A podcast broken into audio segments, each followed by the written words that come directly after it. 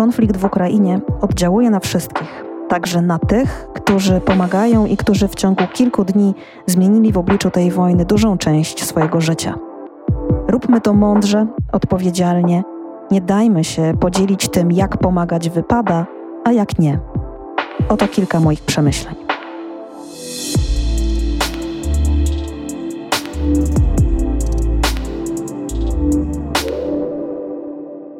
Dzień dobry.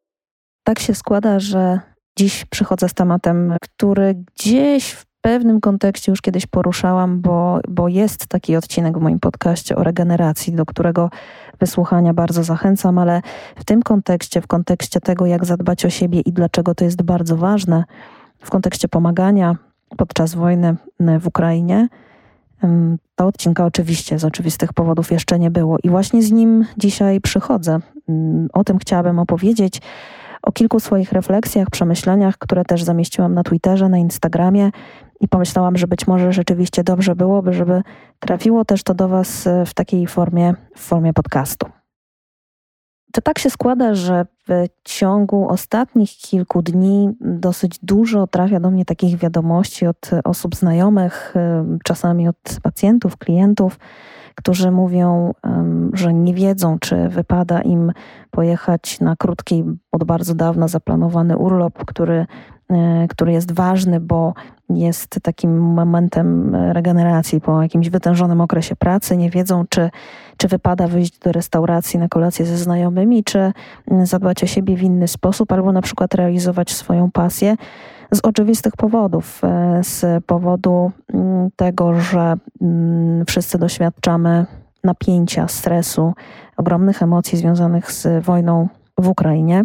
I w związku z tym pojawiają się w nas, i to nie tylko w, u osób publicznych, takich, które na przykład dysponują szeroką platformą do tego, aby przekazywać różnego rodzaju treści, e, w, chociażby w mediach społecznościowych, ale właściwie u wszystkich nas pojawiają się takie emocje i przemyślenia dotyczące tego, że pewnych rzeczy nie wolno jest robić, pewnych rzeczy nie wypada robić. W takim rozumieniu społecznym, i to wynika z takiego poczucia, że jesteśmy oceniani, czasami krytykowani, właśnie szczególnie w przestrzeni mediów społecznościowych, z tego, że powstał jakiś kontekst, jakiś, jakiś taki społeczny odbiór tego i kanon tego, jak wypada się zachowywać, co wypada, a wręcz należy robić, a co jest e, społecznie niedopuszczalne. Tymczasem rzeczywistość jest nieco inna i być może właśnie dlatego psycholog, który na co dzień zajmuje się wykonaniem, performancem, wspieraniem, uczeniem ludzi, jak w warunkach zwiększonego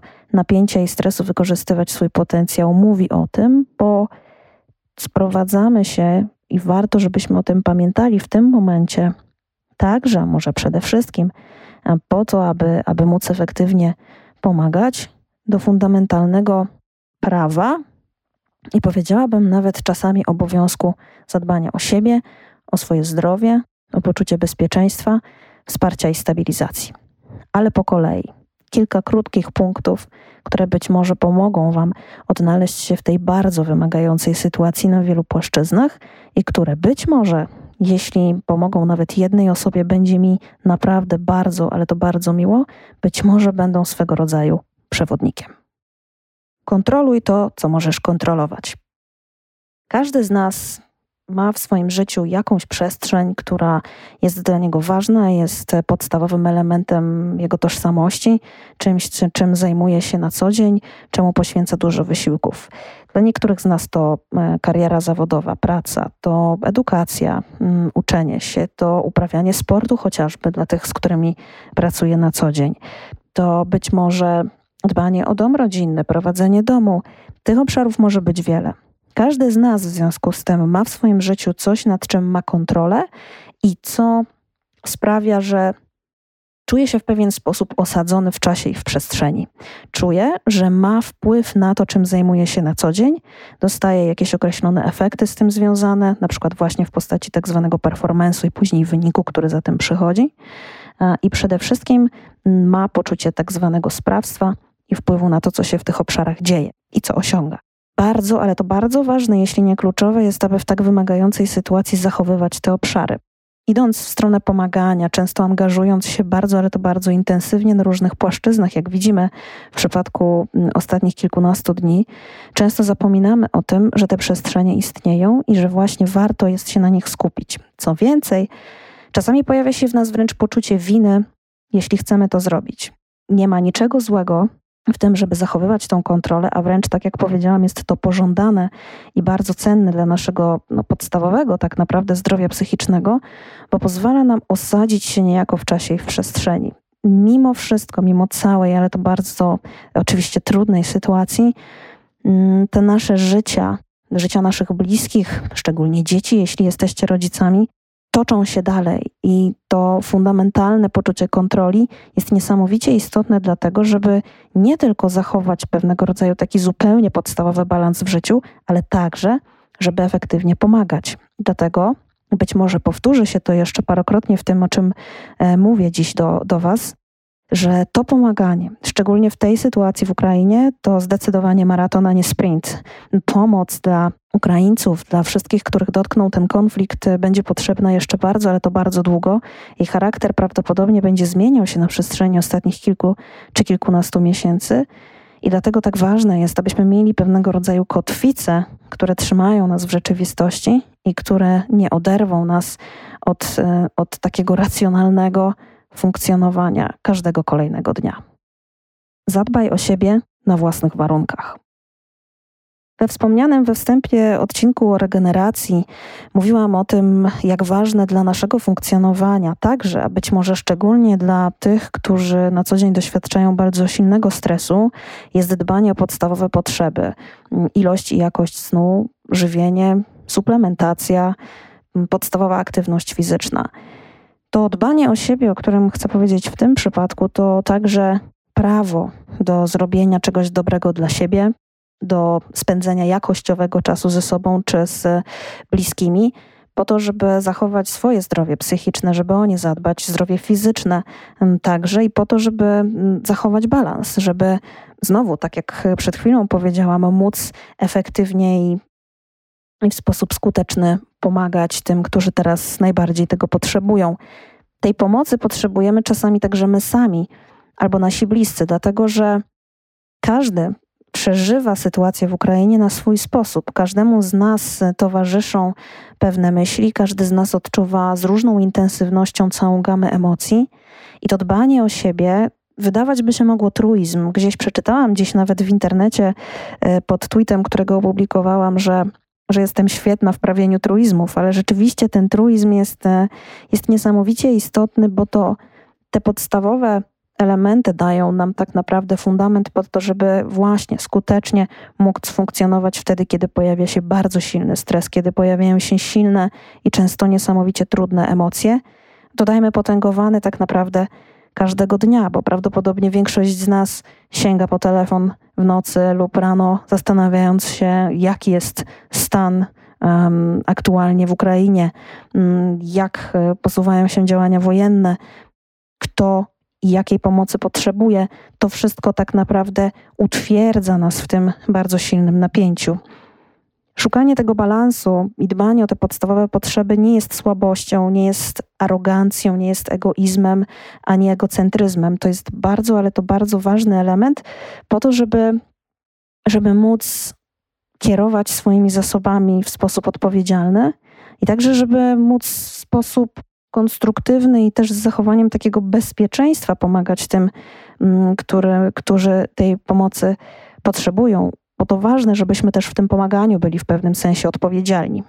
Istnieje takie zjawisko wypalenia pracownika organizacji pozarządowej, tej, tych osób, które na co dzień zajmują się pomaganiem, którzy, mm, ludzi, którzy doświadczają cierpienia i trudnych sytuacji innych osób i bardzo często te osoby między sobą rozmawiają, bardzo często porusza się te kwestie e, podczas różnego rodzaju szkoleń.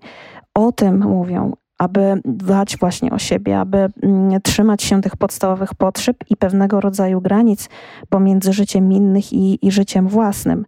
Więc powtórzę raz jeszcze, nie ma w tym absolutnie niczego złego, to bardzo ważne, macie do tego pełne prawo i nie jest to niewłaściwe, nie jest to egoizm. Uczulam też na to właśnie, co pojawia się w internecie, bo to jeden z głównych motywów nagrania tego odcinka podcastu, że niektórzy mówią o tym właśnie, nie mamy prawa do tego, aby funkcjonować i być obecnym we własnym życiu. Śmiem twierdzić i pozwolę sobie na taką dosyć, dosyć radykalną, dosyć radykalne zdanie, może zdecydowane zdanie w tym temacie. Nie jest to prawdą. Jeszcze raz powtórzę, mamy do tego prawo. Pamiętajcie, dbajcie o siebie.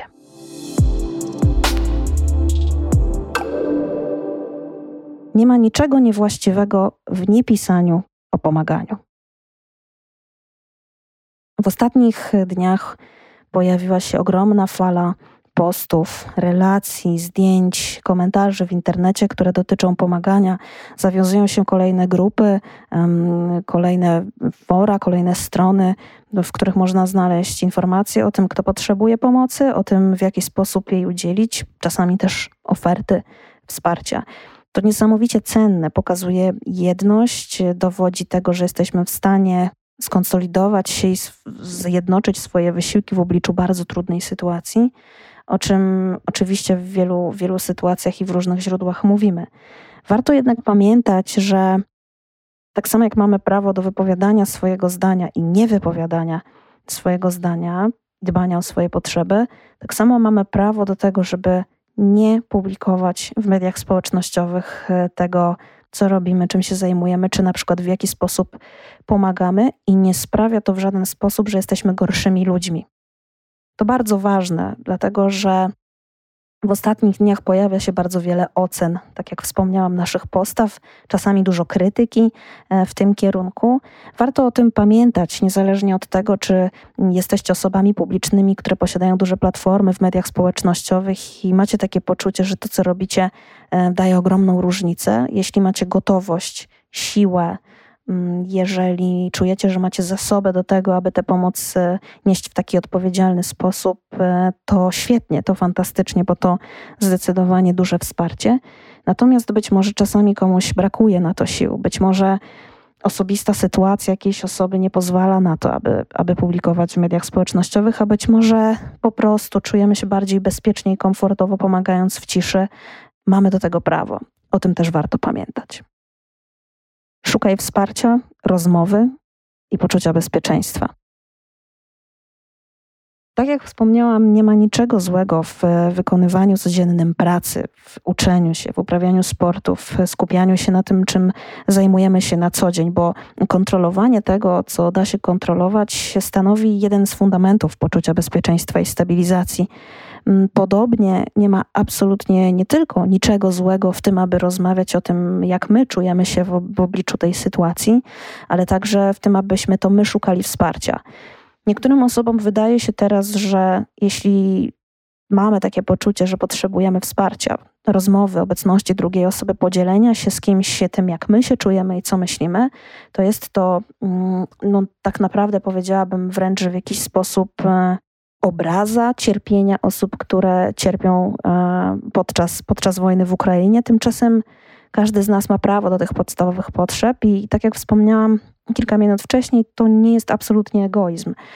My podejmując te działania pomocowe odpowiedzialnie, udzielając sami wsparcia, eksploatujemy też siebie bardzo mocno, oddajemy bardzo dużo swojej energii innym osobom, instytucjom, jakimś procesom czy doświadczeniom i po pierwsze, mamy prawo próbować tę energię odzyskać, a po drugie, człowiek nigdy nie powinien być sami samotny i jeżeli e, uczestniczymy w tym, odczuwamy swoje emocje i, i mamy swoje myśli, to absolutnie wartościowym jest to, aby móc je z kimś e, dzielić my także, każdy z nas, będący świadkiem tej sytuacji, mm, świadkiem wojny, mm, nawet pośrednim, o czym zaraz powiem w kontekście tego, w jaki sposób dochodzą do nas informacje, jakie przetwarzamy, mm, odczuwamy stres, odczuwamy napięcie, czasami lęk, niepokój, frustrację, złość, poczucie bezsilności.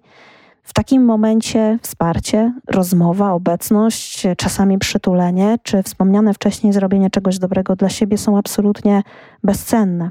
Jesteśmy przede wszystkim ludźmi. Jak powiedział e, Bogdan Wojciszkę, człowiek to jest istota społeczna. W związku z tym w naszym życiu potrzebujemy innych ludzi do tego, żeby móc bezpiecznie i, i satysfakcjonująco funkcjonować. I choć o satysfakcji nie ma tutaj w tym przypadku prawdopodobnie mowy, to warto, abyśmy o tym pamiętali po to, żeby chociażby nie odczuwać poczucia winy, które może być absolutnie przygniatające dla wielu z nas. Unikaj dezinformacji. Media społecznościowe, urządzenia mobilne, doom scrolling tak zwany, natłok informacji i źródeł. O tyle, o ile cyfryzacja ma ogromnie wiele zalet w dzisiejszych czasach, o tyle od wielu miesięcy już przecież rozmawiamy na temat tego, w jaki sposób podchodzić do tego procesu mądrze, świadomie i w konstruktywny sposób. Obecnie w sytuacji wojny w Ukrainie widać tym bardziej, jak ważnym jest to, abyśmy uczyli siebie i kolejne pokolenia, to aby korzystać z informacji, z tego, w jaki sposób one do nas przypływają, docierają do nas i jak my je przetwarzamy w sposób mądry. I co ważne, czasami stopniowy, w jaki sposób dozować ten dopływ informacji, jak weryfikować źródła. Nie jest to mój obszar specjalizacji absolutnie, więc e, pozwólcie, że nie będę na ten temat w tym miejscu mówić dużo. Natomiast chciałabym bardzo, byście z tej perspektywy psychologicznej rozumieli, że natłok informacji, mnogość źródeł, szczególnie gdy e, te źródła podają sprzeczne informacje, informacje niezweryfikowane, niesprawdzone, o czym mówimy przecież wielokrotnie w, w kontekście propagandy e, i, i, i wojny cyfrowej, też która ma miejsce w tej chwili, to z perspektywy psychologicznej to także jest źródło stresu, napięcia, to także jest bardzo obciążające. I tutaj absolutnie zachęcam niezależnie od tego, czy aktywnie pomagacie, czy nie, czy śledzicie e, na co dzień i na bieżąco informacje na temat tego, co dzieje się w Ukrainie, abyście weryfikowali mm, te informacje, unikali wspomnianego doom scrollingu i przede wszystkim abyście zachowywali higienę w korzystaniu z mediów społecznościowych i urządzeń mobilnych. Co to znaczy w praktyce? Dajcie sobie czas na funkcjonowanie bez telefonu, bez internetu, bez e, czytania informacji. Ograniczcie liczbę źródeł do absolutnie kilku, które można wyliczyć na palcach jednej ręki, sprawdzonych, takich, które podają informacje zweryfikowane. Mm, czytajcie wybiórczo, czytajcie to, co rzeczywiście dla Was ma e, znaczenie unikajcie bardzo często, też warto jest to robić, czytania komentarzy, które pogłębiają e, temat czasami w niezweryfikowany sposób, taki, który zawiera bardzo duży ładunek emocjonalny. To niesamowicie mm, istotne dla, dla higieny psychicznej, dla zdrowia psychicznego, ale także właśnie w kontekście, e, i tutaj powiedziałam, postawię już kropkę, ale e, w radzeniu sobie z dezinformacją, która pojawia się jako, jako narzędzie tak naprawdę walki. I na koniec bardzo, bardzo zachęcam Was wszystkich do tego, aby nie oceniać, aby nie dać podzielić się jako społeczeństwo tym, jakie, jak pomagać, tym, jakie pomaganie jest właściwe, a jakie być może nie, dlatego że każdy z nas robi to, co może, na ile może, na ile potrafi, umie i na ile ma gotowość. Warto o tym pamiętać. Warto, abyśmy nie dali się poddawać krytyce, abyśmy nie krytykowali przede wszystkim, dali każdemu przestrzeń do tego, żeby mógł zadbać o, o swoje podstawowe poczucie bezpieczeństwa w tej sytuacji, to nie tylko pomoże nam efektywniej pomagać, wspierać osoby, które bardzo tego teraz potrzebują, ale także e, zapewni podstawowy balans nam, wszystkim, którym przyszło żyć w tych niespokojnych czasach, e, tuż e, bardzo, bardzo blisko Mm, tego konfliktu zbrojnego.